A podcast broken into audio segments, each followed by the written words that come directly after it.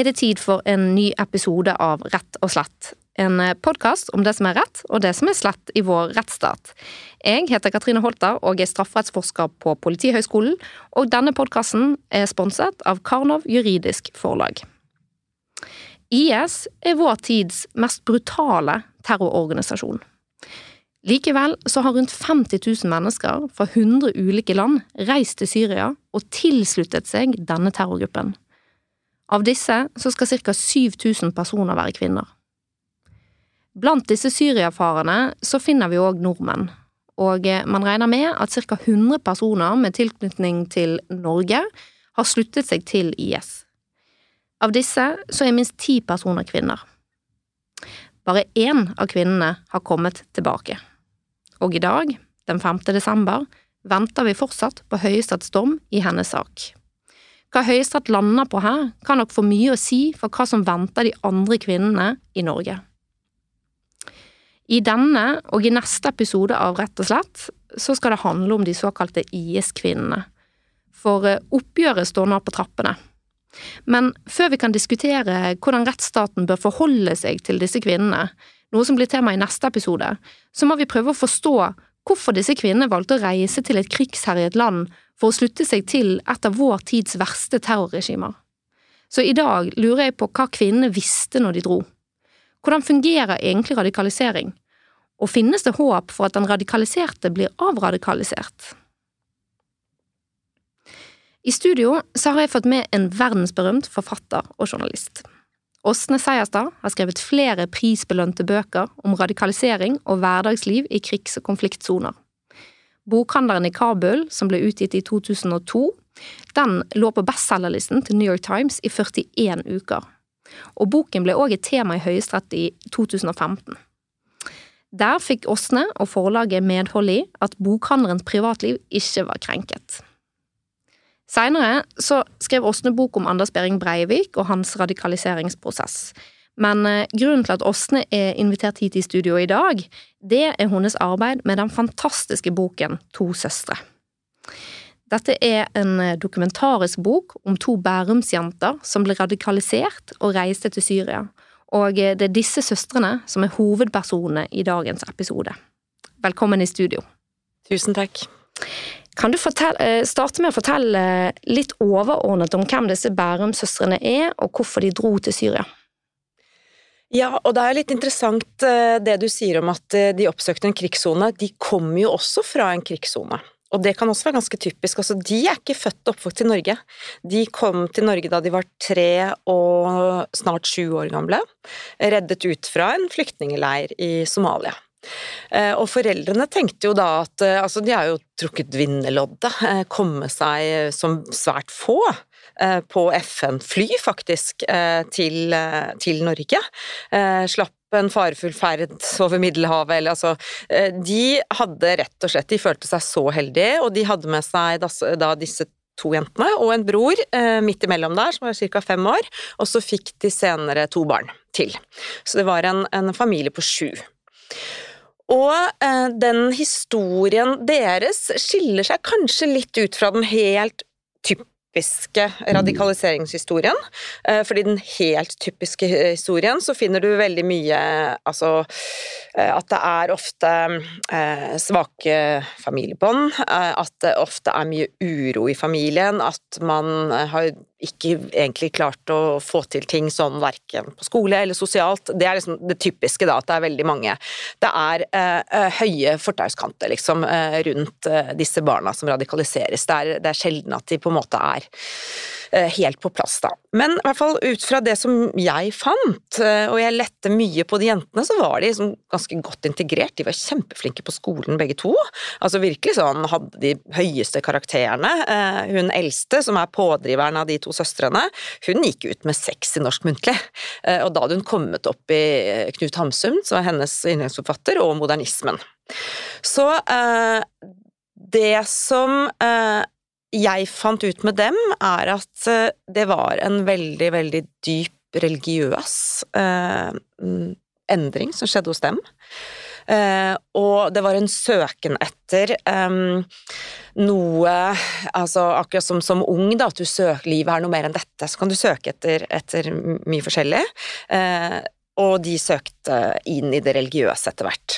Og det kan jo være mange grunner til det. ikke sant? De møtte en utrolig pen eh, koranlærer som ble veldig sånn eh, populær blant mange av disse unge jentene, og for så vidt også unge guttene. Eh, eh, og så gikk de derfra og inn i Islam Nett som ikke er en, egentlig en, eller jo, den er fundamentalistisk organisasjon, men det er ikke en ekstremistisk organisasjon.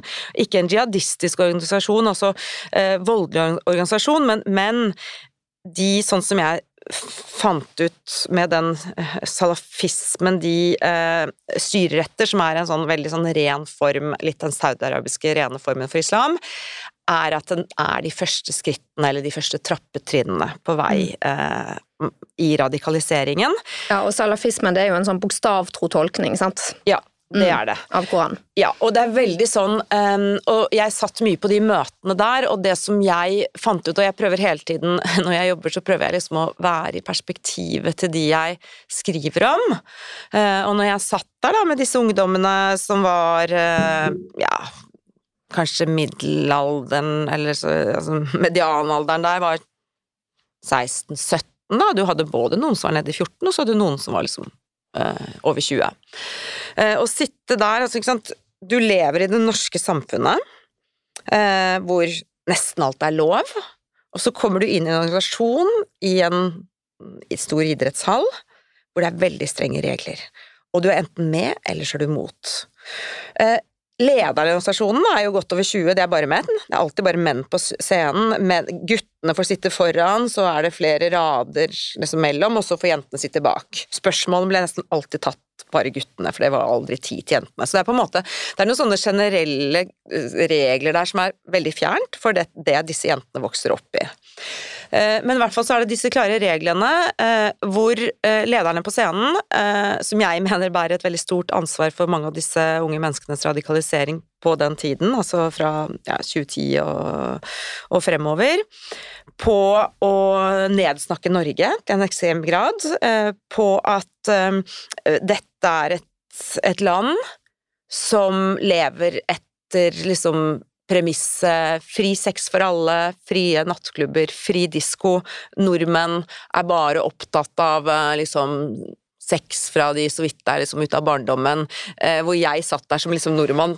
Ja, Skal dere snart snakke om at vi er litt opptatt av Nordmarka, liksom? Altså, de var veldig sånn De brukte veldig mye tid på å nedsnakke Norge, som jeg som faktisk norsk syntes var litt provoserende også, for jeg tenkte at det var veldig galt, og veldig et galt bilde av Norge, samtidig som det liksom Dette er veldig unge mennesker som dere lærer dem opp til å ikke respektere det landet de bor i.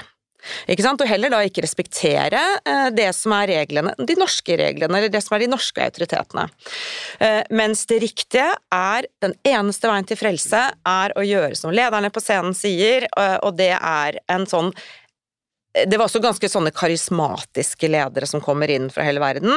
Eh, snakker på engelsk. Eh, litt sånn minner veldig mye om karismatisk kristendom også, eh, med sånne du skjønner at dette er sånne taler de har holdt overalt, eh, men som, som tydeligvis eh, er noe som, som gikk hjem da, hos noen av disse.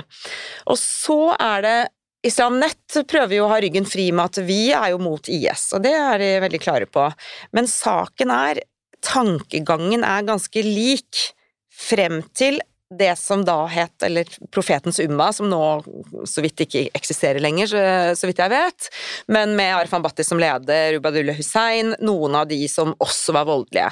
De var også med i Islam Nett i starten, og for noen av de som eh, føler at de blir liksom ferdig utlært i Islam Nett, de hoppet over til Profetens Umma, inkludert en masse jenter. Eh, og den praten mellom mange av disse jentene, da, var jo litt sånn Altså, det var de kuleste gutta, det var bad boys, det var eh, Og den stilen deres, altså, ikke sant, er sånn blanding av eh, litt sånn muslimske symboler på hodesjal og altså klesdrakt og sånn, samtidig som de hadde en sånn gangsteraktig stil, og det var også språket deres var også en sånn blanding av litt sånn gangsterkoder og eh, ting de har lest i Koranen. Så det var nytt, det var spennende eh, og veldig tiltrekkende. Og det var også interessant å se hvordan masse av disse jentene de var liksom, Til tross for at de lærer en sånn veldig sånn renhårig måte å være eh, muslimsk kvinne på, så var det liksom utrolig mye kjæresteri med både den ene og den andre, og sex for ekteskapet, og det var liksom Så det liksom allerede der så falt egentlig budskapet litt sammen da med, med, med, med hva som er liv og levnet, altså forskjell på det. Så det var en øh, øh, Det er klart, nå, jeg, nå, ser jeg på det med enda litt mer avstand enn jeg gjorde når jeg var midt oppi det. Og da er det noen av de tingene som treffer sterkere frem for meg nå, er at dette var en del av en ungdomskultur. At øh, det var et vindu som var åpent akkurat da for en del av disse unge menneskene. Eh, og som eh, var veldig tiltrekkende, og som var nytt, og som var eh, for noen av de som kanskje hadde levd under sant, strenge foreldre på en del ting, her innenfor det det veldig sånn fromme, egentlig. Vi er på, vi er på Islam Nett. Så skjedde det veldig mye sånne ting som kunne være spennende mm. for unge mennesker. Så det er på en måte det er den norske delen av eh, de første skrittene mot radikalisering som gjorde at en del av disse jentene endte opp i Syria. Jeg har òg eh, fått med Petter Nesser, som er sjefsforsker på Forsvarets forskningsinstitutt og professor 2 på Handelshøyskolen BI. Han er statsviter, og eh, han har òg studert historie og arabisk. Og han er en av landets ledende radikaliseringsforskere. Velkommen også til deg. Takk for det. Hva er egentlig radikalisering? Ja, hva er radikalisering? Uh, jeg tror vi skal få det litt nærmere mikrofonen. Ja beskrives gjerne som en prosess, da. Eh, prosess eh, der du i økende grad aksepterer og etter hvert eh, i ytterste konsekvens tar i bruk vold for å oppnå noe politisk. Det er det som ligger i det, liksom kjernen i det. Men det finnes ulike skoler i synet på hva radikalisering er for noe, så vidt jeg har skjønt. Altså at um, man har skoler som er mer holdningsorientert, og så har du skoler som er mer handlingsorientert. Vil du utdype litt rundt det? Ja, nei, det er mange, det er mange skoler eh, i radikaliseringsforskninga. Som du sier, så er det jo måtte, de som måtte, vektlegger det med overbevisning. Og så er det de som, eh, som vektlegger det med prosess, eller, eller eh, egentlig interaksjon, da, eh, med ekstreme miljøer. Og hva som skjer på en måte i, i, i, i sam... Eh, altså eh, i, den interaksjonen mellom en, en person som er i en radikaliseringsprosess, og mer organiserte miljøer som driver med ekstrem aktivisme. Mm. Um, og så er det jo uh, også en vid definisjon og, og, en, og, en, uh, og en, smal definisjon uh, i forhold til, til, til radikaliseringsbegrepet. Der, der den, den, smale på en måte går på, veldig mye på handling, mens den vide går mye på hvordan du tenker. Og det er også det mest kontroversielle. Og grunnen til at det er mange som, som har litt problem med hele radikaliseringsbegrepet, Eh, noen f.eks. Hvis, hvis du er 68-er, venstreliberal, da vil du jo se på det å være radikal som et uh, honnørord, liksom. Og det er det mange som gjør. Uh, mens, mens de kan da være kritiske til at det har blitt et sånt veldig negativt lada ord. Det, å være radikal og ville ha, ville ha et bedre samfunn. men, men, men altså det som eh, ligger i det Når vi snakker om det i den, den sammenhengen her, så er det jo uh, det å rett og slett uh, ville ty til vold da, for, mm. å, for, å, få en samfunnsmessig omveltning. Og da er vi også inne i ekstremismebegrepet, ikke sant? Som har en sånn viktig voldskomponent. Absolutt. absolutt. Og når, når, du Det er klart, det er liksom sluttpunktet på en radikaliseringsprosess. Da, da, er du, da er du ekstrem. Mm. Um, men jeg hadde bare lyst til å si om denne radikaliseringsprosessen altså, uh, Det er en del begreper knytta til den også som, som, er litt interessant også i forhold til det som Åsne eh, tok opp nå. Eh, det er jo at den prosessen, prosessen starter jo gjerne på et punkt. Og det, det, er noe som blir vektlagt ganske mye i, i litteraturen. Da. Man snakker gjerne om en kognitiv åpning. Um, og det er jo sånn i, forhold til det å måte, uh, At du blir også tankemessig radikalisert. Uh, men, men uh, det betyr jo at mennesker blir utsatt for en eller annen sjelsettende altså hendelse. Det, være, det omtales også et, som et moralsk sjokk, kan være, men det kan også være, være helt andre ting, som ja, f.eks. For en forelskelse, eller at du måtte, kommer i kontakt med noen, en svært karismatisk person som du ser opp til. Det kan være, det kan være tap av, av folk i nær familie. Mange av de radikaliseringshistoriene jeg leser, så er det måtte, tap av forsørger, altså, eller altså far, mor, i tidlig alder f.eks., er ting som, som kunne ha trigga en sånn, en sånn søken, da, som også Åsne beskriver her. At jentene var på søken, for det er liksom uh, Det er på en måte steg nummer to, at du begynner å søke etter et eller annet når du, når du blir utsatt for det, for det her sjokket. Men ta det en gang til. Hva er steg nummer én? Det er den kognitive åpningen. Den kognitive åpningen, dette sjokket som liksom trigger, triggeren. Ja. Eh, det, det, det, er på en måte steg én, og så, og så er det en, en, en, søkeprosess. Og så er det en prosess der du på en måte kommer i kontakt med noe som kan ta eh, radikaliseringa videre. Og. Det er gjerne nettverk, organisasjoner, enten det nå foregår online eller fysisk. Ja, det, Så det er tre steg? Ja, ja altså, det, siste, siste, det siste, siste, steget er, er at, du tar, eh, at du tar ting eh, helt ut, da. Mm. Og mm. eh, tar i bruk vold for å oppnå politiske mål. Mm. Og Åsne, du har jo vært inne på disse her. Altså, hvordan, hvis vi skal se det i lys av disse tre stegene, altså, um, hvordan vil du beskrive den prosessen til disse søstrene i lys av dette? Ja, nei, det passer veldig godt inn, men det som jeg kanskje aldri fant, er det moralske sjokket. Men det betyr jo ikke at det ikke fins, men eh, det, jeg fikk jo aldri snakket med disse jentene. Så alt som jeg har funnet er basert på hva de selv har skrevet, eh, hva, eller hva de har fortalt venninner, hva de har fortalt foreldre, hva de har fortalt broren sin, hva de eh, har eh, Altså, de har ikke selv heller noen gang fortalt om et sånt moralsk sjokk, så der må uh, og derfor, Altså den kognitive åpningen, den nei, fant du ikke? Nei, den kognitive åpningen, og jeg, i boken så er det jo ingen spekulasjoner. Der er det jo basert på hva folk sier, uh, og der har ikke jeg gjettet meg frem til det, men nå i en podkast så kan jeg jo sitte og gjette litt.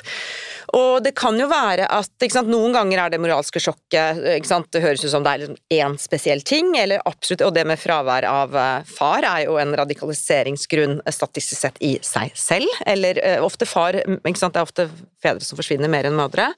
Men det som jeg tenker kanskje som jeg lurte mest på, var sant, De virker i barndommen og har vært veldig godt integrert.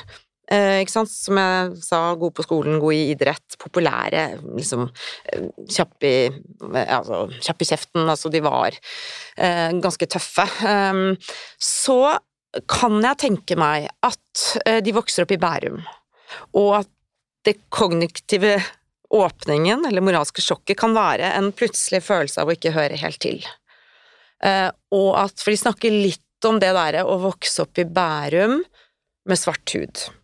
Eh, men det er ikke et stort tema, rasisme. Jeg fant ikke sånn stort Men jeg ser at de plutselig begynte å skrive litt om det på Twitter. At Norge er et veldig rasistisk land. Men det var mer sånn på, det sånn på overskriftsnivå at jeg fant ikke den, der, den ene historien. Eh, og heller ikke de som fortalte um, fortalte uh, om dem. Eh, eller så kan det jo også være eh, så, Det kan være noe med ut, utenforskapet, at du merker når du blir tenåring, at du merker at foreldrene dine følger jo ikke med. De hører jo mm. ikke hjemme. Mm. De følger jo ikke opp. Det gjorde de ikke. ikke sant? De var en varm og sånn for så vidt tett familie, men jeg fikk jo høre fra lærere og sånn i etterkant så mente jeg hadde vært altfor grei med faren. Fordi at han presenterte seg jo veldig sånn som alltid var den som ordna opp, så sa de der, men han kom jo aldri på noe som helst, han møtte jo ikke opp. Ikke sant? Sånn det, eh, det var nok at de plutselig merker at vi er ikke som de andre som drar på slalåmferie om vinteren og drar eh, til Rivieraen om sommeren. Eh, sånn at de vokste, vokser opp i et veldig sånn uh, rikt uh, miljø i Bærum, men bor selv i sosialboliger. Mm. Det er sånne ting sånn som barn tenker du liksom ikke over det. For eksempel han broren fortalte om den derre sorgen ved å være flink i fotball, men, men fikk aldri være med på, på, organisert idrett fordi pappa klarte aldri å melde meg inn. Mm. Ikke sant? Men det høres jo ut som du snakker om et, eller beskriver et form for utenforskap, da. Ja, et utenforskap som, som de merker, i hvert fall jentene, da. Eh, han gutten blir jo noe annet, fordi han, han er jo tvert imot en motkraft mot radikalisering. Han blir jo veldig, veldig norsk. Eh, Bærumsgutt, liksom. Men i hvert fall jentene eh, kan jeg tenke at merker det når de kommer i tenårene, og det er da også den søk, sø, sø, eh, søkningen begynner. Og så kan man jo si at moren eh, sitter med et eh, sterkt radikaliseringskort på hånden. Hun er nemlig redd at jentene begynner å bli for norske. Hun liker ikke hvordan de kler seg, og hun er redd for å miste dem. Fordi moren, og dette er også veldig viktig, er ikke integrert. Hun snakker ikke språket, aldri tatt en utdanning, aldri tatt en jobb, eh, aldri fulgt opp eh, på noe liksom, Hun lever nesten ikke i Norge, hun lever i Somalia. Hennes venninner er alle fra Somalia, og hun er aktiv i den somaliske organisasjonen. Det er det. Og er redd for, sammen med en del av de andre somaliske mødrene i Bærum, at jentene begynner å bli for norske. Religionen er løsningen. Det er hun og venninnene som finner koranlæreren.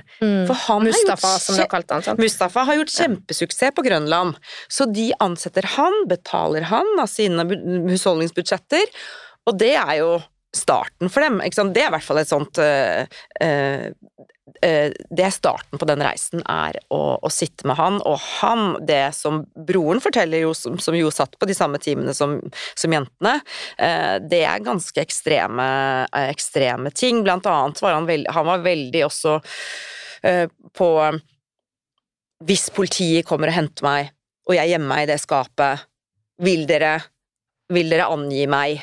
Ikke sant? Han allerede, akkurat som Islam Nett, eh, lager en sånn distanse til det norske samfunnet egentlig mot oss, og egentlig eh, etter oss, liksom. Mm. Eh, så, så, det, så det er nok eh, utgangspunktet. Um, og, og så merker man liksom i den prosessen, da, radikaliseringsprosessen, som jo eh, Det er veldig viktig det med at det er et prosess, ikke sant. De der mytene som vi hørte mye om i starten, eh, som var sånn eh, Du møter en veldig karismatisk eh, fyr på nettet, eh, så forelsker du deg i han, og så om en uke, etter en uke så sitter du i Belgia som kjæresten hans, og så er du sendt til Syria. Det har jeg ikke funnet så mye av. Det, er liksom, det tar Mm. ofte ganske lang tid. Eh, Og med disse to jentene følte jeg at det var veldig egendrevet.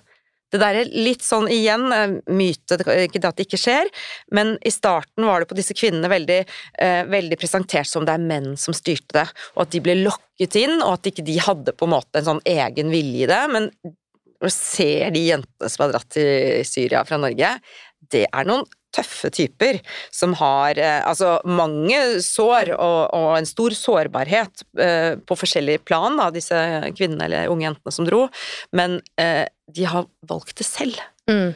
De, de virker veldig sånn um, Jeg tenkte på hun eldste, da, som var egentlig litt sånn Ayan, fem, som Ayan, som var liksom feministisk i, mm. i måte å være på. At hun på en måte både har tatt med seg noe av det aller beste ved å vokse opp som jente i Norge, at du har tro på deg selv og du, du har dine meningers mot, eh, som hun da brukte for å gå inn i en kvinnerolle hvor du skulle altså, være helt underdanig, som er jo kvinnerollen i den islamske staten.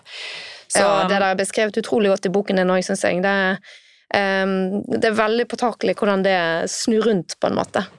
Eh, så det er veldig godt beskrevet. Og så bare én ting til, da, eh, Mm. i forhold til det med prosessen. Hvordan de, de starter sånne studiesirkler selv. Eh, hvor hvor, hvor eh, en av de som var til stede, fortalte om hvordan for eksempel Ayan skulle holde foredrag om nordmenns forhold til muslimer. Og da er jo hennes talepunkter er jo Breiviks tanker. Eh, Se på dette hva Breivik gjorde, dette er det Norge, nordmenn mener om oss. Dette mener om muslimer. Og så har du på en måte en eh, Breivik, da, for vi har jo også radikalisering på øh, høyreekstrem side, som bruker jenter som Ayan som sine eksempler på dette er muslimene, ikke sant, de er mot oss, de respekterer oss ikke, osv., osv. Så, videre. så du har også disse to radikaliserte gruppene på hver sin side av spekteret som eh, skal vi se, bruker hverandre som, som eksempler på da henholdsvis nordmenn eh, eller, eller, eller da eh, muslimer. Og at det i seg selv er en sånn del av den prosessen, da, å, si at vi er én gruppe, de andre er en helt annen gruppe, og den gruppen er mot oss. Eh, derfor må, må vi bruke vold, for det er de som er farlige, Mm. eh, og vi sitter på sannheten. Uh, og bare skyte inn en liten ting her. altså det er jo sånn at Disse jentene vi har jo ikke noe grunnlag for å tenke at de har kommet til noe voldelig stadie, bare sånn at uh, ingen misforsto meg på det i sted. altså, For de har jo hatt, de har jo vært gjennom den radikaliseringsprosessen, men så vidt vi vet, så har det ikke endt i at de selv har gjort noe annet enn å reise ned der og oppfostre barn og sånn. Men um, du nevnte sårbarhet, og Petter, i radikaliseringsforskningen så er man jo opptatt av å identifisere sårbarhetsfaktorer for de som blir radikalisert. Vil du si noe om de sårbarhetsfaktorene, og hvordan det passer med disse jentene? Ja, så Det er jo eh, på en måte ingen av, ingen av de som blir radikaliserte som, eh, som er harmoniske mennesker, som eh, det har liksom gått At alt, alt har gått Eh, knikkefritt med. Ja, Så det er ikke sånn at hvem som helst kan bli radikalisert? Eh, nei. Det må være under de riktige veldig, forutsetningene, da. Veldig mange kan bli det under eh, visse forutsetninger, ja. ja. Og det trenger ikke å være så veldig, veldig vanskelige ting folk har blitt utsatt for. Og, det er også litt sånn, når, når, når teorien møter virkeligheten, så ser man egentlig hvor, hvor rotete ting kan være. da. Når vi snakker om en prosess, men liksom sånn, som Åsne beskriver her også, så så, så, er det jo ikke liksom sånn at det går liksom fra, en, fra, fra, et steg til et annet steg. Det, det, det, kan være flere ting som spiller inn. og, og, og, Sånn er det egentlig alltid, at en måte, terrenget passer ikke helt med kartet. da. Uh, liksom når, når i, i, de radikaliseringscasene som er studert, så, så har det jo vært uh, ofte en sånn uh, skjellsettende opplevelse. Og mange av de som, som, er studert, de har liksom pekt spesielt på 9-11 Eh, og invasjonen av Irak, sånne store ting som Som den kognitive åpningen? Som, som, som, som kognitive åpninga. åpninger. Uh, men, men, det, det, men det er, vi har også liksom sett at det er uh, veldig mange forskjellige veier inn i det her. Mm. eller ikke veldig mange, du, du, kan på en måte koke det ned til noen hovedveier, men, men, men det er jo sånn at det, det, er på en måte ikke noe tett skott mellom de, sånn at noen på en måte har en mer sånn kognitiv, ideologisk vei inn. Eh, noen har en veldig sånn eh, misnøyebasert vei inn, altså en reaksjon på noe. Eh, og det er jo det som er typisk for, for de som har mye, ja, mye utenforskap, mye, mye problemer i livet sitt og sånne ting. For noen er det mer en slags tankerekke et, et trosett, ja, ja, og for andre er det mer følelser og reaksjon, altså en følelsesmessig reaksjon. Ja, kan, man kan skille mellom måte, de ideologiske, de som ikke passer inn, og de som dras inn. Mm. Eh, og når jeg sier dras inn, så, er det de som dras inn gjennom sosiale nettverk, fordi at de kjenner noen på innsida. Det kan være en bror, det kan være noen de ser opp til, det kan være søster, ikke sant, eh, som, som har liksom uh, kommet inn i et sånt ekstremt miljø, da. Uh, og så uh, på en måte blir du med inn litt sånn av lojalitet til vennen din eller, eller, eller broren din eller søstera di. eller noen du ser opp til. Uh, og, og, så, så, blir liksom fanga av, av både de eh, sosiale eh, kan du si, det sosiale presset, men også sosiale, sosiale belønninger som du får innafor det ekstreme miljøet. da. Så bestemte relasjoner kan egentlig lage en slags sårbarhetsfaktor, ja, altså, da?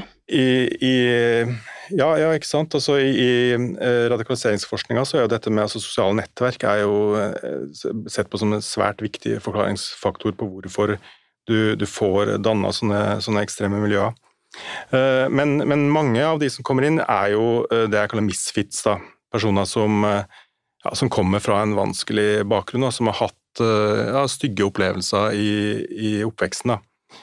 Det, det, det, ser du går igjen og igjen, kan du si. Men, men, men når vi liksom studerer det her, så må vi ikke vi kan ikke liksom se på bare enkeltpersoner, man må se på det som et gruppefenomen. Mm. Uh, og, da blir det på en måte dynamikken i det her, fordi at du har de ideologiske som, som, som jeg kaller entreprenører. De, de, de, går og plukker litt blant disse misfits og, og drifters, som jeg kaller de som, som, flyter inn, liksom. Ja, for nå er du inne på noe som jeg syns er veldig spennende. For du har jo uh, forsket på det man gjerne kaller for en typologi, ikke sant? Altså, ja. Vil du forklare, hva, hva, er det for noe? Typologi, hva mener man med det i radikaliseringsforskningen? En typologi det er jo egentlig bare en oversikt over noen forskjellige typer. Mm. Eh, men, eh, Så du identifiserer ulike typer som typiske ja. figurer i et nettverk av for, for, meg var det et arbeidsverktøy, for jeg studerte terrorceller. Ja. Og så skulle jeg bare prøve å skjønne dynamikken inni inn cella. Liksom, Ja. hva, hva som foregår, hva, hva er samspillet mellom, eh, mellom han som på en måte trekker i trådene, altså entreprenøren, eh, eh, de han har rekruttert inn, en misfit og en, kanskje en, en drifter, og så, og så var det på en måte Og da kunne du identifisere disse bestemte type personer, altså roller, egentlig. egentlig roller. Ja. Eh, og, og det som er interessant, er at du, du ser det går igjen. altså Det her er et sosialt fenomen.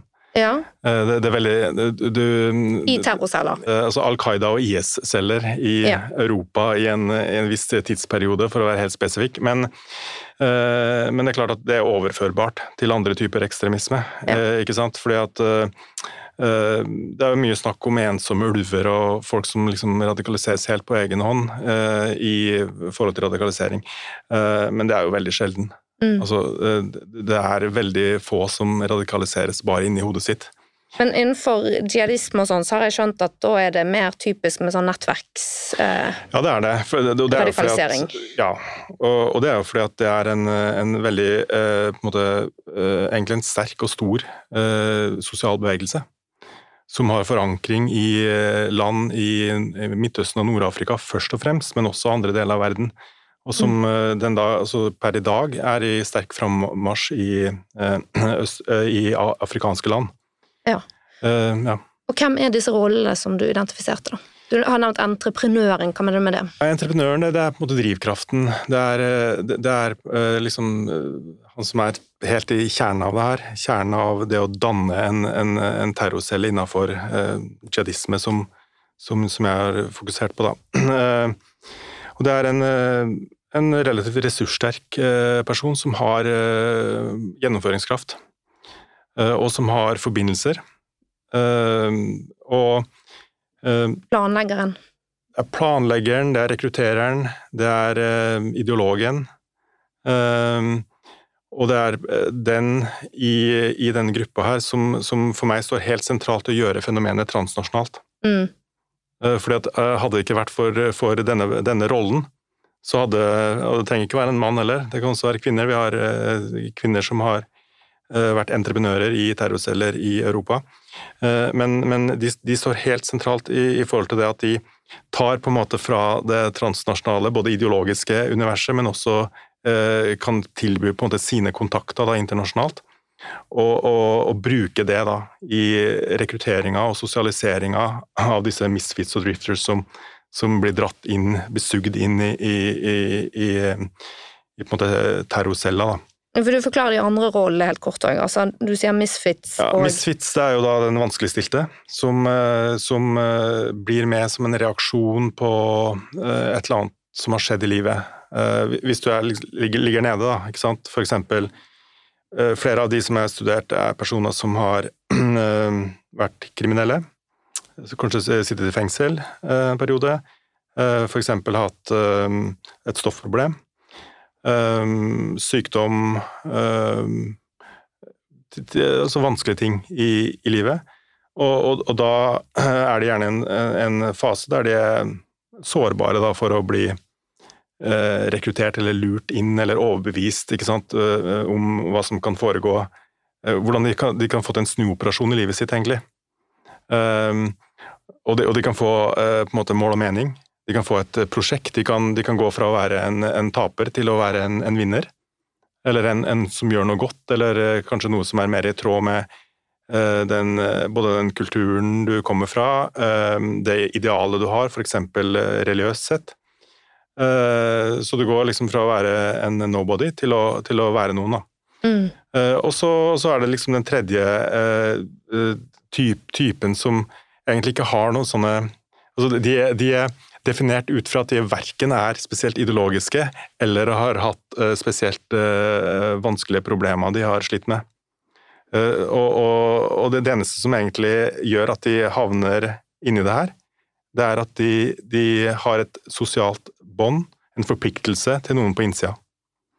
Eh, og, det, og de utgjør en ganske stor gruppe. og liksom sånn hvis eh, Det som du sa om disse, søstrene som kanskje ikke har hatt noen sånne voldsomme omveltninger, Eh, så kan det måtte være sånn, i sånn, min tolkning nå ut fra det du sa, da, og jeg har lest boka også, eh, eh, er jo at de kanskje At kanskje det sosiale liksom drivkraften eller dragningen, da, kanskje var viktig der. Men så er det heller ikke sånn at det er enten-eller, ikke sant. Det kan være Du kan være på en måte en sånn miks av disse rollene.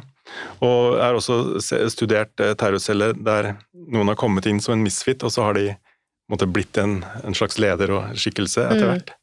Fordi at de gjennom sosialiseringa så har de fått en annen rolle, og så har de fått mer og mer viktige oppgaver, og så har de etter hvert begynt å rekruttere andre igjen. Dette er veldig interessant. Um, og som du har jo også skrevet om eh, Breivik, uh, og um, da er jo vi innenfor den høyreekstreme delen av dette, men, men som, som, Petter sa i sted, så er jo noe av dette overførbart. Um, hva, hva, vil du si om på en måte radikaliseringsprosessen til Breivik sammenlignet med disse to søstrene? altså Hvordan ser du de opp mot hverandre? Hva som er likt og forskjellig?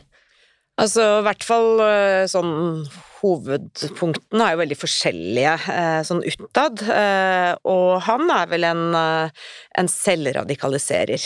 Selvfølgelig har han jo nettet. Det har ikke skjedd alene, men, men, han er jo Han kan vi jo i hvert fall kalle en misfit som vil være entreprenør. Altså, han var jo en, en Altså, vet ikke hvor mye tid vi skal gå inn i, i barndommen hans og sånn, men han har jo en, en, en vanskelig oppvekst. Eh, og um, hadde et uh, vanskelig forhold både til um, eh, altså egentlig ikke-eksisterende foreldreskap fra begges del. Altså både eh, Moren var jo hadde en, en ganske alvorlig psykiatrisk diagnose. De var jo begge innlagt på ungdom, barne- og ungdomspsykiatrisk eh, klinikk en periode.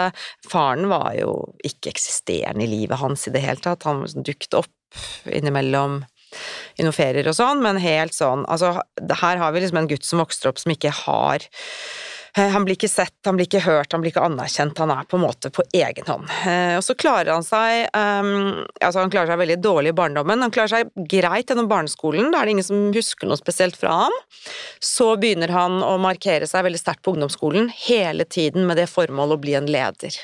Ikke sant? Leder i graffitigjengen, i taggeklubben, senere går han inn i Fremskrittspartiet, eh, han vil bli rik, men han feiler i absolutt alt inntil når han er 27 år gammel, har mistet alt, har ikke noe penger, stor gjeld, flytter hjem til moren sin. Og det er da det virkelig raser utfor, for da blir han sittende på, på rommet sitt eh, i nesten i fem år, egentlig, men i hvert fall de tre første årene, så er det World of Warcraft, hvor han blir en eh, vinner, hvor han blir kjempeflink. Han stiger, det er også et sånt hierarki, da. Altså du, du får scores etter hvert som du, du jobber deg oppover, og så får du da folk som ser opp til deg, eh, samtidig som du du, du, kan selv eh, kjempe mot de du beundrer. Og så har han laget seg en avatar da, som han, som en, eh, hvor han selv kan velge hvem han skal være. Han blir en entreprenør i dataspillet? på en måte? Han blir en entreprenør i dataspillet etter å ha mislykkes i absolutt alt i livet. Eh, og det er også i denne fasen, og det er det jo politiet som dokumenterer, hvordan han i sin databruk, hvilke steder han er. Det har jo de gått tilbake og sett. Og da er det jo en gradvis overgang fra å være full time på World of Warcraft inntil han blir kanskje litt lei, eller han har nådd så høyt nesten som han kan nå, og så går han inn i det mørke nettet, som er eh, Han er en tjuetalls sider som han følger veldig, og det er nynazistiske sider. Eh, det er også en del av de eh, amerikanske eh, anti-jihad-sidene, eh, og det er eh, de europeiske Gates of Vienna, altså på en måte den europeiske storheten, det historiske med liksom korsfarerne mot muslimene. Men i hvert fall dette er hans radikaliseringsprosess, eh, hvordan han, han, går mer og mer inn i disse sidene. Etter hvert prøver han å ta kontakt med folk. Han vil, han søker jo egentlig desperat kontakt etter folk hele livet. Eh, så blir han hele tiden avvist. Og så kan man spørre seg hvorfor blir han avvist? Hvorfor har han alltid blitt avvist? Og så er det sånn, en enkle svar, han er litt teit, rett og slett, hvis det går an å bruke et sånt ord om eh, Breivik. Han, han, er ikke så god på sosial kontakt, så folk, sånn som han Fjordmann, eh, som eh, var ganske stor på Gates of Vienna, blant annet, eh, han, eh, da prøver jo Breivik veldig, siden han er norsk, og prøver å få en kontakt inn til han, uten at han vet hvem han er, han kjenner bare det alias, altså Fjordmann. Eh, og noe som Fjordmann sa i, til politiet etterpå, var liksom hvorfor han ikke hadde svart én gang, men men da ville Breivik med en gang gå ut og ta en øl. Eh, og så spurte, ble han spurt hvorfor han ikke møtte han, så sa han jeg syns han var kjedelig. Eh, så ikke sant, han, han, til tross for at han er så ekstrem, så er han ganske kjedelig. Det kommer egentlig litt frem i rettssaken også, at du bare iblant Oi, nå glemte jeg meg, for jeg kjeder meg, liksom. Så sitter du og kjeder deg og hører på den helt grusomme historien til Breivik, når han snakker om, om ideene sine. Det er de som blir veldig sånn. Så det er noe man Det er liksom på en måte hans uh, misfit, da, at han ikke fungerer sosialt. Um, men uh, det som skjer med radikaliseringen på nettet, i hvert fall for Breiviks del, er nok det at han tror han har mer støtte for aksjonene sine enn han endte opp med å ha. At han bygger opp alle disse brødrene da, som han snakker om i Frankrike, som han tror er det neste landet som vil komme til å ta etter han, eh, men også ikke Øst-Europa, Serbia, han er innom der, Polen, eh, Storbritannia. Eh, han, han, han, ser for seg at han skal bli en, en leder, en entreprenør, da, for å bruke det ordet også på han, i et sånt bro, brorskap da, som skal ta over. Og så er det jo litt sånn Det er jo mye sånn hva skal man si, liksom fantasering også. Det er det som er litt spesielt med hans radikalisering, at det er noe av det som er sånn eh, myter og eh, historiske størrelser, og det at han, eh, at han liksom De ordene han bruker, er på en måte brukt historisk på, på de hærene han ser for seg lederne, lederen som han selv skal være, osv. Samtidig som, som han så går plutselig inn i eh, hardcore sånn som i hvert fall han plukker fra ulik samfunnsforskning eller annet om hvor mange muslimer eh, har begått kriminalitet, og så har han selvfølgelig, som alle disse sidene har, helt ville tall på hvor mange muslimer som har voldtatt, eh, ikke sant, da er vi oppe i 100 000, liksom, millioner av europeiske kvinner er voldtatt av muslimene, Altså det er liksom, noe av det er statist, altså statist har han belegg for, eh, eh, for eksempel som akkurat økningen av bruken av navnet Mohammed Mohammed i indre Oslo, ikke sant. Det er liksom noe som plutselig er faktisk korrekte tall, da, men han velger å bruke det på sin måte, og noe er bare helt eh, fri fantasi. Så eh, han forholder seg til verden, selv om den er eh, iblant, eller svært ofte, forskrudd. Eh, men han snakker ikke med noen. Han har ikke kontakt med noen, han møter ingen, han finner ikke broren sin noe sted. Eh, så når det gjelder han, er det selvfølgelig at det er noen, eh, en del eh, person, altså trekk ved hans personlighet som gjør volden mulig. og han forbereder seg jo også godt. Han leser mye sånn hvordan skal man på en måte av Altså Eh, avemosjonalisere seg selv uh, i forhold til å, å, yte vold. Han er veldig klar over at det er vanskelig å drepe, så han går på en måte Han, han, er veldig sånn plukker manualer, eh, som også er brukt i militæret, eksempel.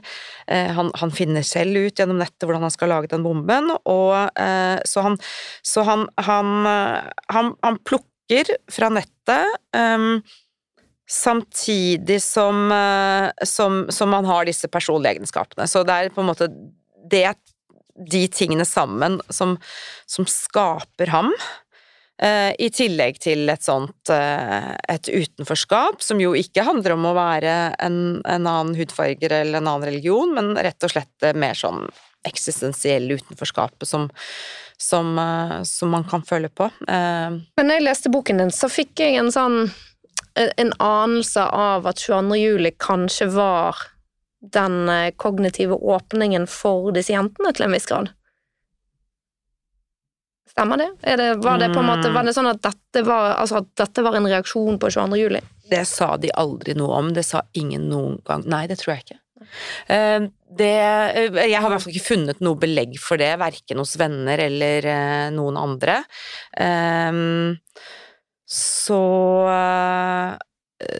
det som jeg husker som venninnen til hun eldste sa, Ayan um, Da hadde jo Ayan kommet hjem til henne rett etterpå, og hvor de begge var helt sånn sjokkert over hvor grusomt dette var. Mm. Så det, det, ikke, det, vet jeg ikke noe om, egentlig. Det har jeg ikke sett noe Nei. på.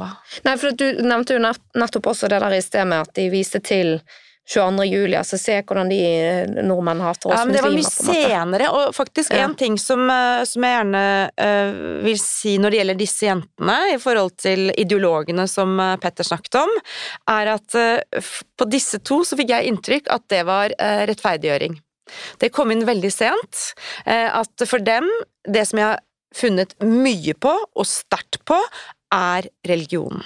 Ja. At du går inn Plutselig, altså du får en åpenbaring på, eh, på, det religiøse, eh, og på De får et sterkt forhold, et personlig sterkt forhold til Gud, Eh, og så er det dette poengsystemet også i islam, da, som er sånn at det er veldig ganske sånn konkret på Hvis du så dette skriver de veldig åpent om på nett og på Twitter og sånn, og i dag har jeg bedt så og så mange dua, jeg har bedt så og så mange ganger, over 100, 200, flere hundre, det gir så og så mye. Altså det, på engelsk er det reward, da. På norsk blir det som belønning, men jeg har også hørt muslimer kalle det poeng. At du får poeng i himmelen hvis du har konvertert noen, så får du Og de poengene gjør at også i himmelen er det en stige, eller i paradis, da, på hvor nærme Gud du vil sitte, og aller nærmest Gud i du vil henge i lysekronene under Guds trone, er hvis du dør i krig, eh, og det er en, flere, en del andre også. Så det, for dem så ble paradis Uh, som det er for mange muslimer. Jeg kommer rett fra Afghanistan nå, hvor, du, uh, med, hvor jeg tilbrakte mest av tiden sammen med Taliban, og hvor det der med paradis er et helt konkret sted som du kommer til når du dør. Eller selvfølgelig hvis ikke du ender opp i helvete, som oss som sitter i dette rommet sannsynligvis ut fra deres synspunkt vil gjøre hvis vi ikke er muslimer, da. Men um, sånn at det, for dem så har de plutselig har de kommet inn i et, et system som er veldig regelstyrt, og som er egentlig veldig logisk.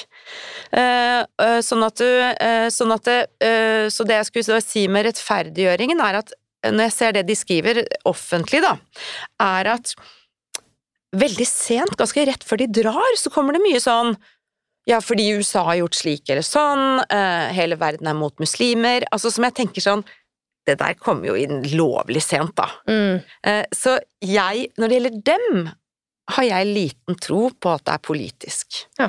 Uh, det er indre. men Breivik trengte også en rettferdiggjøring, ikke sant? I forhold til at det han begikk, kan man også si til en viss grad er personlig. Liksom han, hvorfor, må, hvorfor drepte han alle de ungdommene?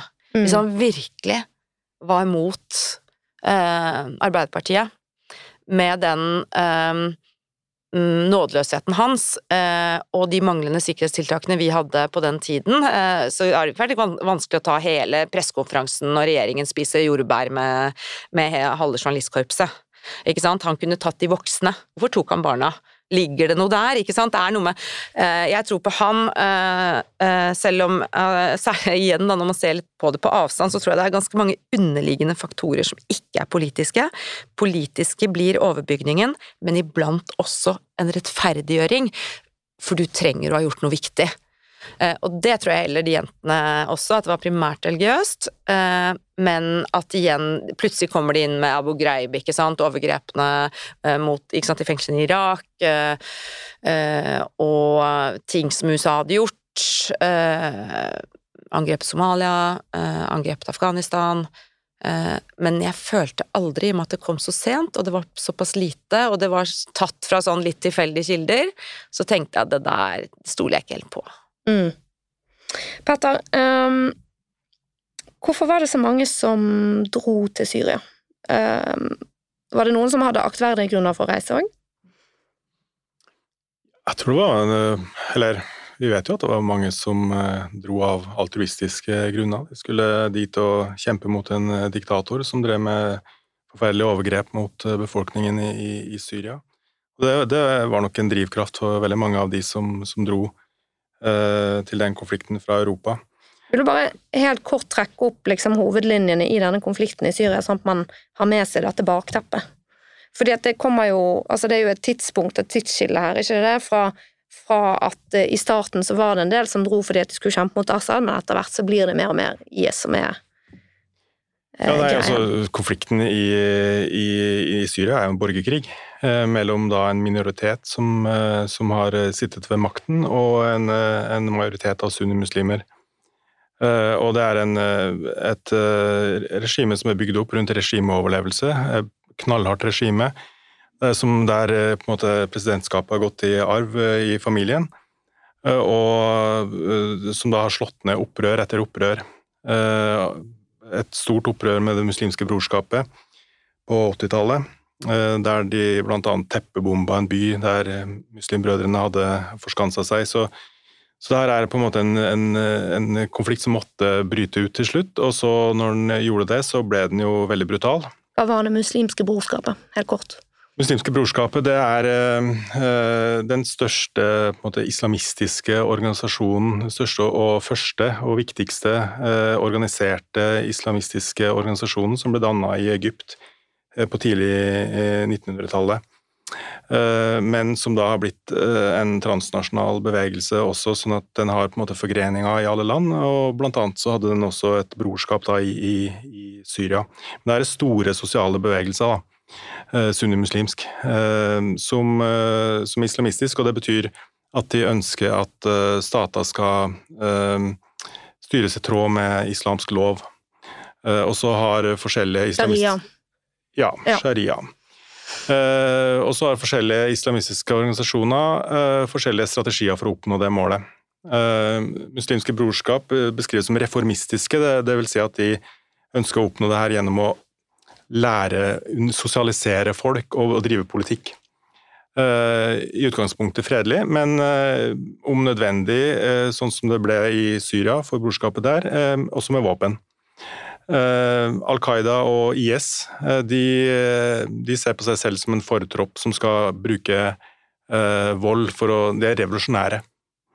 Eh, sånn at der blir på en måte det voldelige det viktigste eh, altså Det er på en måte deres eksistensgrunnlag, da, kan du si. Mm, for hva er egentlig IS? Hvordan skal vi forstå denne IS, Islamsk stat, eh, er en Det er egentlig en utbrytergruppe fra Al Qaida-nettverket som begynte å leve sitt eget liv i Irak.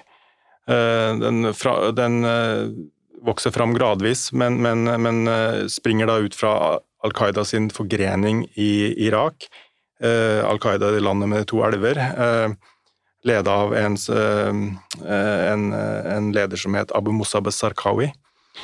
Som en gang ville være med i Al Qaida på et tidligere tidspunkt, men fikk ikke lov fordi lederne, altså bin Laden og en annen rådgiver, mente han var for ekstremt å være med. Men de ville ha, et, et, de ville ha et, en forbindelse til han, sånn at de ga han, eller de de satte han opp med en leir på grensa til Iran, eh, og så støtta de den, eh, den leiren. Og så etter hvert, eh, i, den, i, forbindelse med den amerikanske invasjonen, så tar den gruppa som etablerer seg i den leiren, og, og flykter ut, og reiser da over tid inn i Irak. Og etablerer da det som skal bli en altså Al Qaida-gren i Irak. Og ut fra den grenen så vokser IS fram. Ehm, de begynner å kalle seg Islamsk stat, eh, altså før egentlig krigen bryter ut i, i Syria. Og så går eh, representanter for den gruppa inn i Syria under borgerkrigen, og så ønsker de å ta kontroll over opprøret, og så havner de i konflikt, konflikt da, med en, en Al Qaida-gruppering som, som, befinner seg i Syria, som heter Jabhat al-Nusra. Så IS kommer egentlig litt sånn utenfra og blander seg inn i det som er en pågående konflikt? Utenfra og innenfra. Så det, det, det er på en måte eh, Det er eh, to grupperinger som, ideologisk, som står ideologisk veldig nært til hverandre. Der den ene er mer ekstrem enn den, den andre. Mm. Uh, og nå så, sikter du til IS og Al Qaida? IS og Al Qaida. Ja. Uh, og så ender de opp i, egentlig, i, i konkurranse og brutal konflikt, og den dag i dag så foregår det jo kamper mellom IS, eh, bl.a. i afrikanske land. Mm. IS og Al Qaida. Men hva, hvordan er situasjonen i Syria i dag, da? Situasjonen i Syria i dag eh, er den at i Nord-Syria så har du eh, gruppa grupper som tidligere var med i Al Qaida, men som på en måte har fjerna seg litt fra Al Qaida, som, som på en måte har en slags ja, det er islamistiske grupperinger som har en slags territoriell kontroll i Nord-Syria. Ehm, eh, når det gjelder IS, så er IS eh, veldig svekka i det området per i dag, men eh, i noen områder, i sør, bl.a. i ørkenen og sånn, så, så, så, er det en form for remobilisering. Og det er også noe remobilisering og økt aktivitet i Irak. Men du kan si liksom det området der det egentlig er mest sånn at det er mest på vei opp, da. Disse, mm. disse jihadistgruppene, altså Al Qaida og IS, det er nå i Sahel-området i, mm. i, Afrika. Men kan du bare helt kort oppsummere, for jeg tror mange syns at dette er litt forvirrende altså hvis ikke man har fulgt veldig med på det, altså denne konflikten i Syria. Hvem er det som slåss mot hvem? Hvem som slåss mot hvem i Syria? Ja, eller som gjorde det? Nei, akkurat nå så, så, er det jo regimet som, eh, som har tatt tilbake eh, kontrollen. Assad-regimet. Assad De sitter eh, fortsatt. Eh, ja. ja. Eh, og det er alawittisk, som er en slags, en slags form for shia-islam. Ja. Eh, Men det startet med at det var folket som på en måte gjorde opprør mot Assad? Det, det, er det det handler om. Ja. Det er et, et, undertrykt folk som gjør opprør mot en diktator. Og ja. det undertrykte folket, der er majoriteten er sunnimuslimer, og minoriteten som satt ved makta, som utgjorde om lag 10% av befolkningen, var eh, tilhørte en annen religion. Ja, Og så kommer IS og Al Qaida inn i dette. På hvilken måte da? Altså IS og Al Qaida eh, kommer inn i det her på mange forskjellige måter. Eh, det er jo sånn at eh, IS og Al Qaida det her er grupper som Det her er rett og slett fremmedkrigerorganisasjoner. De er, de er danna av fremmedkrigere. Al Qaida ble danna blant fremme, arabiske fremmedkrigere i Afghanistan i 1988. Og, og, og er de ville i Syria? De vil, eh, de vil, eh, etablere islamske emirater og en islamsk stat.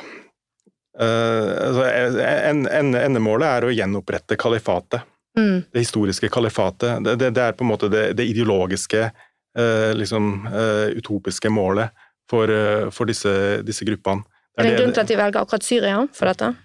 Eh, det er fordi at uh, Syria og Irak har jo en veldig sånn uh, symbolsk tung historie i islam.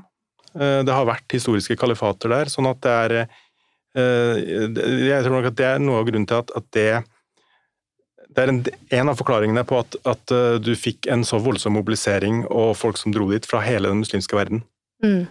Men eh, en av mange forklaringer, for det var det du, du, spurte om først, det var hvorfor ble det her, hvorfor ble det så stort?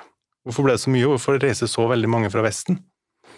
Eh, og det er det jo mange som har, har lurt på, men eh, vi tenker gjerne på det som en sånn perfekt storm, da.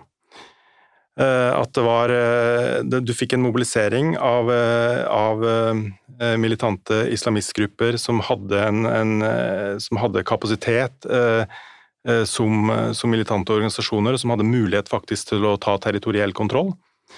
Og så hadde du et, en, en kaotisk situasjon med et regime som var pressa. Og du hadde veldig mange aktører som, som på en måte støtte sine um, agenter inni det området her. Så veldig kaotisk. Og så var, var på en måte stater rundt omkring, også i Europa, var veldig bakpå når det gjaldt eh, eh, De visste ikke hvordan de skulle forholde seg til det her. fordi at på den ene sida så har du eh, folk som nettopp drar, drar for å støtte en god sak, altså en kamp, undertrykt folk mot diktator. På den andre sida så, så, var det de gruppene som etter hvert ble de toneangivende, de viktigste og det mest sånn, sånn altså effektive da, opprørsgruppene, var superekstreme grupper som, eh, som har som, som, mål å eh, eh, på en måte ta kontroll og, danne nye undertrykkende regimer. Og også som har, har, har, Vesten som en fiende, veldig høyt opp på, på fiendebildet sitt. Sånn at um, europeiske stater var veldig bakpå. De, de, de lot jo de ungdommene her dra. Det, sånn at det dro jo mellom 4000 til 6000 ungdommer fra Europa til, til det konfliktområdet her før vi rakk å tenke gjennom om det her, hva vi skulle gjøre med det. Eh, som, eh, som forhåpentligvis ikke skjer neste gang vi, får en tilsvarende situasjon. Da. Mm. Eh, Men det var liksom det der sånn push- og pull-faktorer her, som, som gjør at eh, en del ungdommer i Vesten uh, fant seg kanskje ikke så godt til rette i Vesten, og så uh, hadde de den, den staten her som var på en måte ideologisk tiltrekkende, og som også kunne skilte med eh, belønninger, i form av at du kunne komme til staten og du kunne få et hus, og du kunne få ta med familien dit, og du, du kunne danne familie der og bo i et perfekt islamsk samfunn. Eh, Sånn at det var på en måte ja, Det er flere sånne artikler som er skrevet eh, basert på intervjuer med, med folk som reiste, fra land som Danmark f.eks., som framhever liksom viktigheten av denne ideen om det perfekte islamske samfunnet som så, så viktig. da. Mm. Og det har jo du også skrevet om i boken også, altså, hvordan disse, disse jentene, altså etter hvert som de blir radikalisert og dratt inn i dette, så blir det nesten sånn at det blir jo nesten vanskelig å være i Norge, for dette passer ikke overhodet med det trossettet som de etter hvert kommer inn i. Eh, Du, du blir så utrolig på kant med resten av samfunnet ellers, da. Mm. Um, og så tenkte jeg skulle spørre litt sånn når vi begynner å nærme oss uh, slutten på denne episoden, men um, uh, hvis noen der ute som hører på dette her, begynner å bli sånn bekymret for at noen de kjenner eh, holder på å bli radikalisert, altså hva er hvilke tegn skal man se etter som er tegnet på radikalisering? Da kan jo du kanskje si litt om hvilke tegn var det de rundt disse søstrene så? Mm. Hvordan, øh, og, de, og de trodde jo også at de var på vei til å bli tvangsgiftet, sant? og det var ikke det samme fokuset den gangen, som jeg har skjønt det, da, på at noen skulle reise til Syria, for de var jo veldig tidlig ute med det, ikke sant? så de tenkte jo, var jo bekymret for at de skulle bli tvangsgiftet. Men hva var det disse tegnene disse lærerne og de rundt eh, la merke til? Mm. Hvordan var det de opplevde, disse søstrene? Ja, altså, Vi har jo vært gjennom et eh, skikkelig crash course i radikaliseringen av norsk ungdom eh, gjennom disse årene. Ting har gått fort, og det har endret seg fort.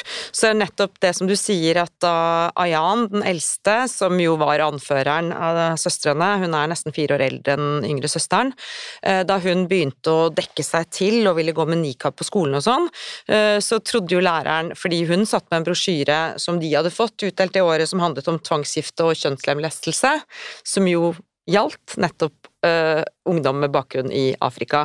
Eh, s- særlig, da. Det det var dem man var mest bekymret for. Så det var på en måte hennes rammeverk, og hun hadde ikke noe og begynte å se etter har hun fått seg en ring. Var, det var liksom det som hun kunne forholde altså Det var det hun tenkte det var, at det lå i foreldrene. Eh, det er jo eh, Det er jo noe helt annet i dag. Eh, så det, man, det man skal se etter, i hvert fall ut fra det som jeg har plukket opp, er de de begynte å endre holdninger først, eh, og i hvert fall disse her, og flere av de andre jentene som jeg har studert, eh, ble ganske sånne eh, altså klare i samfunnsfagtimen om konflikten mellom Vesten og islam. Ikke sant? Så dette er i starten hvor de ikke begynner å, eh, et, eh, å måtte gjemme holdningene fordi at det er litt forbudt og sånn.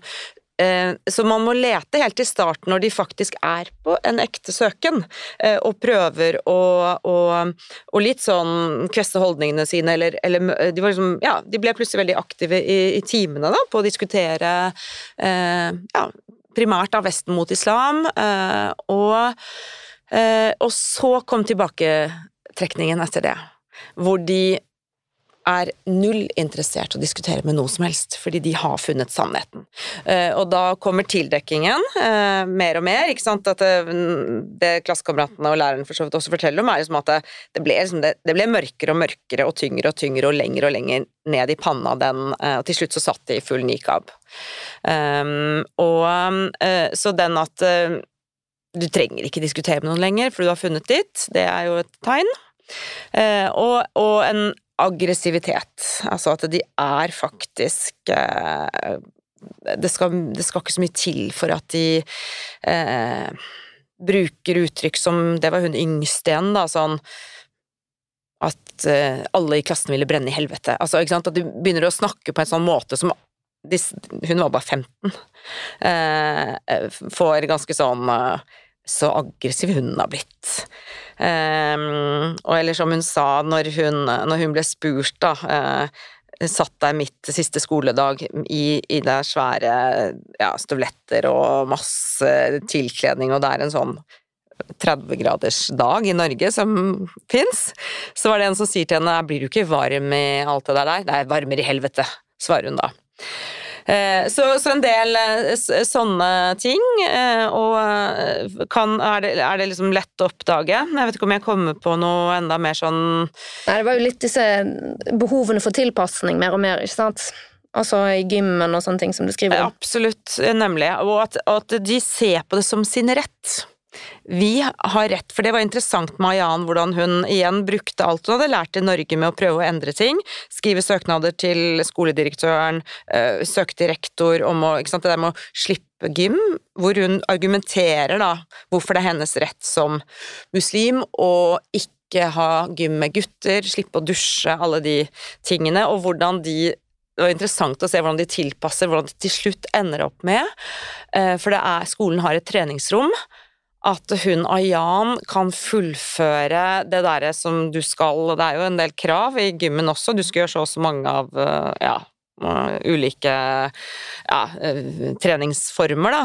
At hun til slutt Altså, ikke sant, at hun kunne få lov å fullføre det alene i skolens eh, treningsrom, inntil Ayan ikke aksepterte at det var noen andre til stede i det rommet.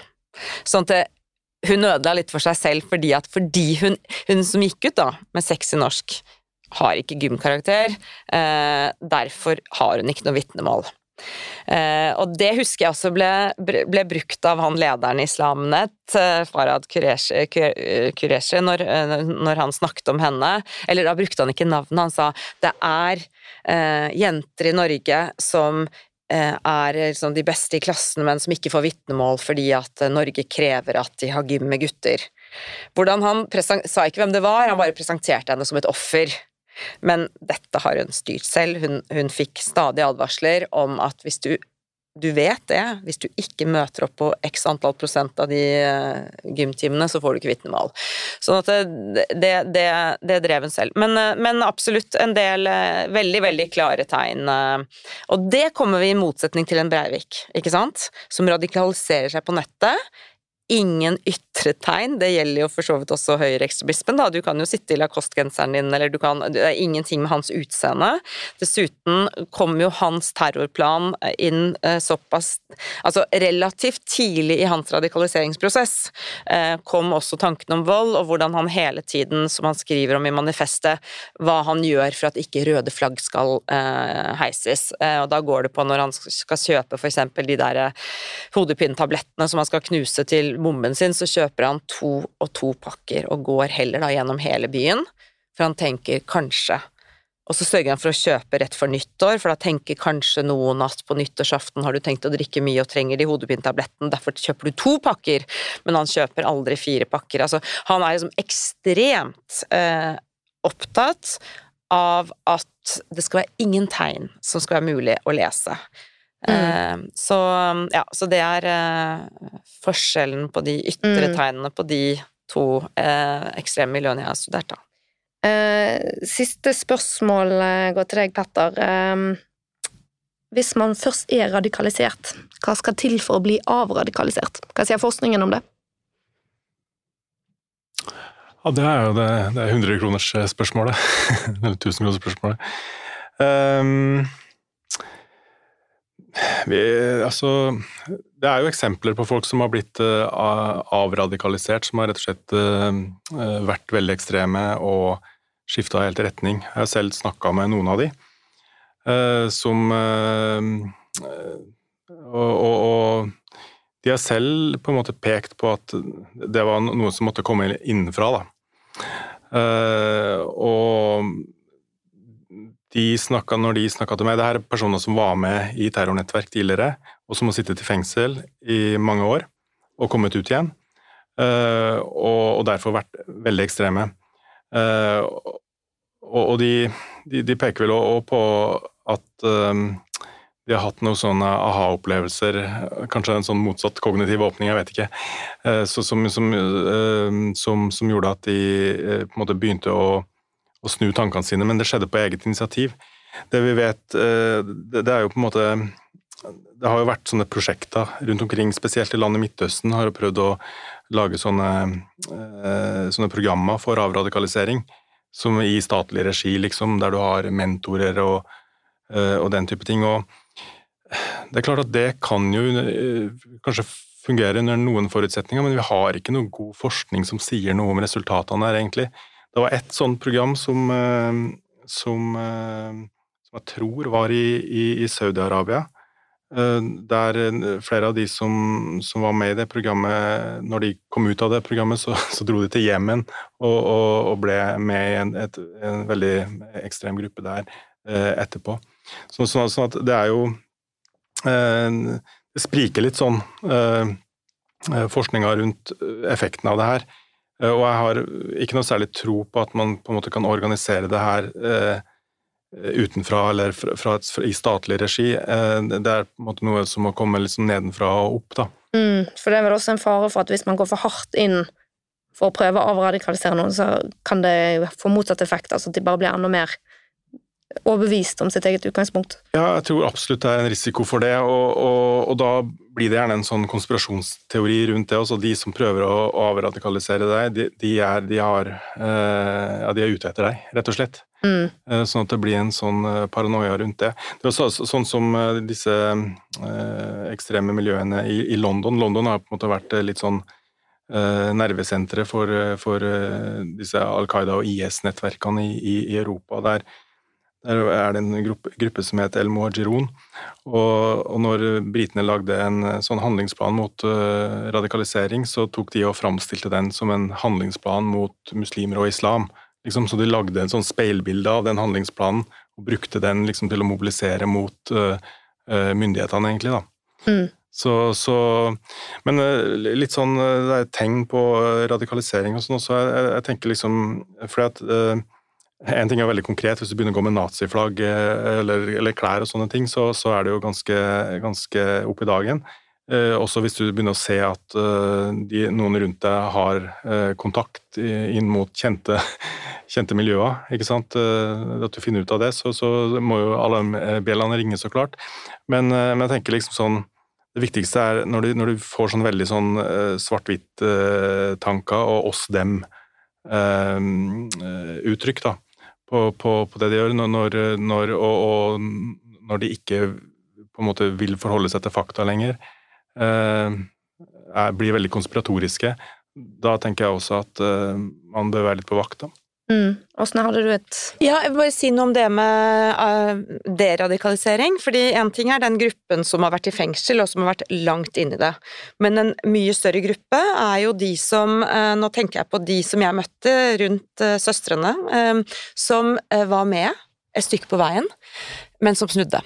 Hva var det som gjorde at de snudde? For her snakker vi om en, en stor gruppe unge mennesker. Eh, og det som jeg fant eh, i mitt anekdotiske utvalg, var eh, det familien viste å være den viktigste faktoren. De som hadde sterke familiebånd, som fulgte med, som Det var blant en far som skjønte at her er det noe som skjer, og som, som, eh, som konfronterte sønnen sin, eh, og som Det var på en måte nok til at sønnen bare ja, skjønte at han var på gale veier. Det var en annen så var det en mor, det var et par mødre, men en av mødrene var det en, en gutt som var veldig glad i moren sin, og som Eh, han var veldig nær til altså Bastian og mange av disse her som, som dro, eh, men så 'jeg kan ikke gjøre det mot moren min'. Ikke sant? Så, eh, hva er det som gjør at noe holder deg hjemme. En annen mor, som var mor til venninnen til den yngste av søstrene.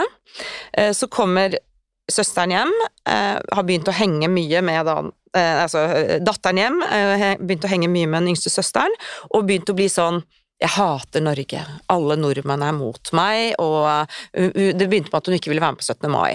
Eh, moren, som også er fra Somalia, men som i motsetning til søstrenes mor, har tre jobber, lært seg flytende norsk, eh, jobber som hjelpepleier på ja, forskjellige steder ute i Bærum.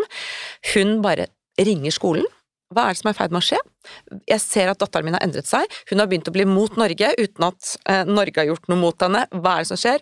Hun tar grep. ikke sant? Hun kunne også endt opp i Syria hvis ikke moren hadde sett det.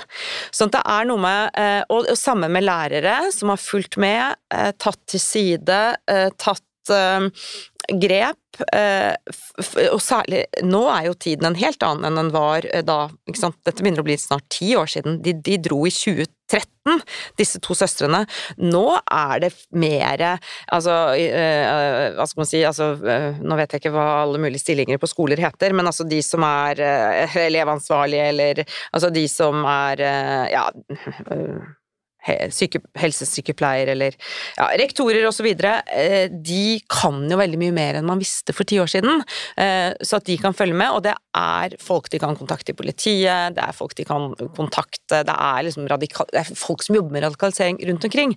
Så at eh, jeg tenker på den gruppen er viktig, den, de som er på vei inn, de som er 14, 15, 16, 17, 18 år, men som ennå ikke har begått noe kriminalitet, dratt til Syria eller altså vært steder, men men eh, der tenker jeg at det er eh, eh, Foreldre, familie er viktig, men også da andre voksne, voksne rundt som følger med. Mm. Nå er vi ganske kraftig på overtid her, men det var så spennende at dette går mest utover oss hvis vi hadde dårlig tid på slutten av dagen i dag. Men jeg har ett spørsmål til som jeg bare lurer på før vi kommer til den avsluttende spalten. Og det er fordi at nå er det jo en diskusjon, og det skal vi gå inn på i den neste episoden òg, altså bør man hente IS-kvinner og barna hjem? Og der er det jo folk som mener at uh, i den politiske debatten at det bør vi ikke gjøre fordi de kan være farlige. Vet vi noe om det? Er de farlige? Dette er jo kvinner som så vidt vi vet ikke har drevet med vold. Altså, De kan jo øh, være farlige hvis de øh, kommer hjem og er veldig ekstreme og fortsetter å være ekstreme og fortsetter å på en måte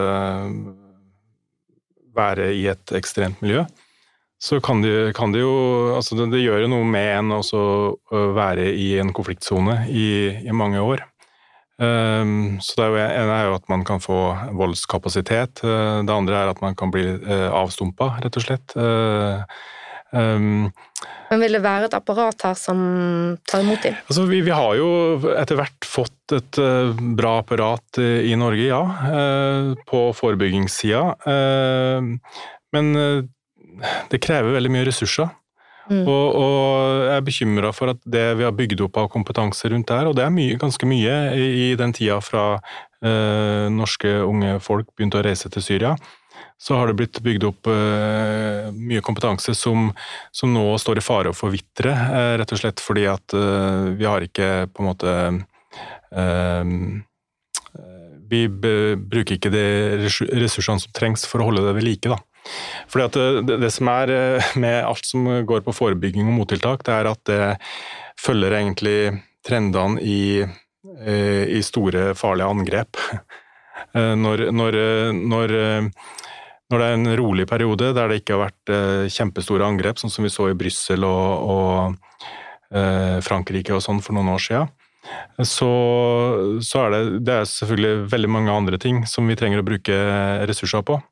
Og den situasjonen vi står i nå, når eh, måte, vi har en stor geopolitisk eh, konflikt og eh, Russland som invaderer Ukraina, vi har vært gjennom en pandemi og sånne ting, da, da faller da, da, da er det for at dette med forebygging det går litt ned på agendaen.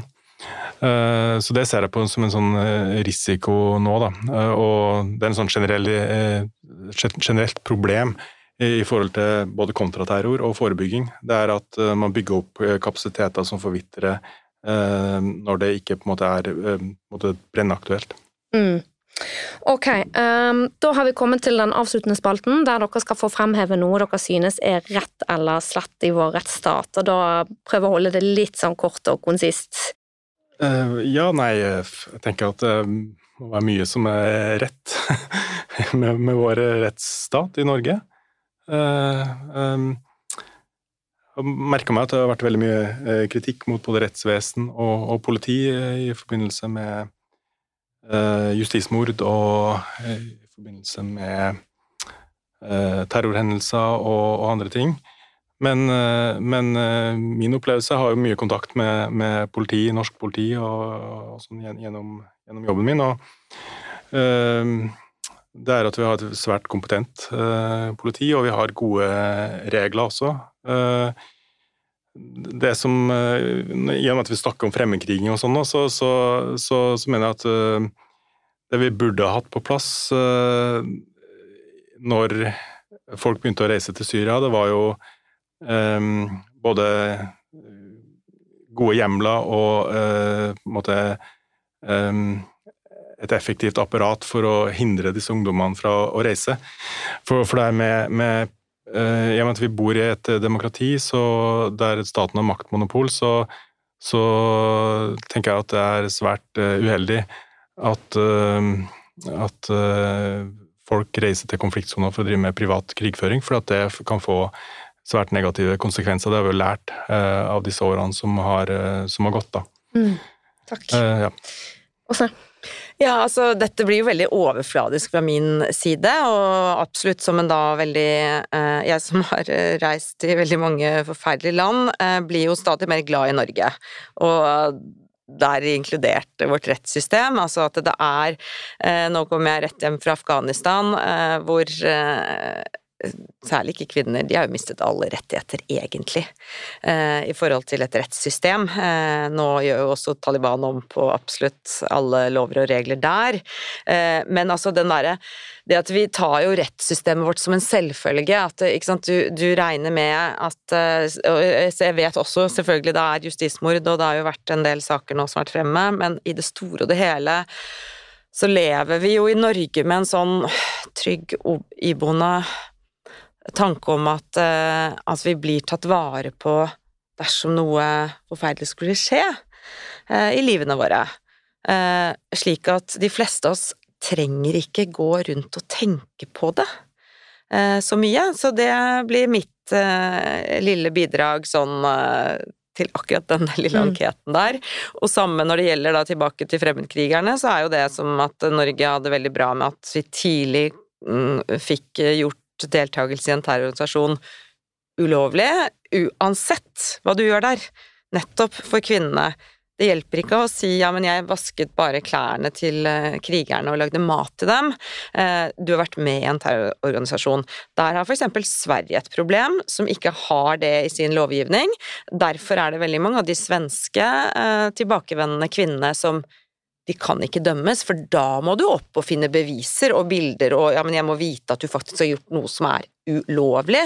Eh, så akkurat når det gjelder denne gruppen også, så har jo Norge gjort mye riktig også, da, å være raskt på plass med, med den terrorlovgivningen som vel egentlig kom i forbindelse med Breivik-saken, egentlig. For, ja.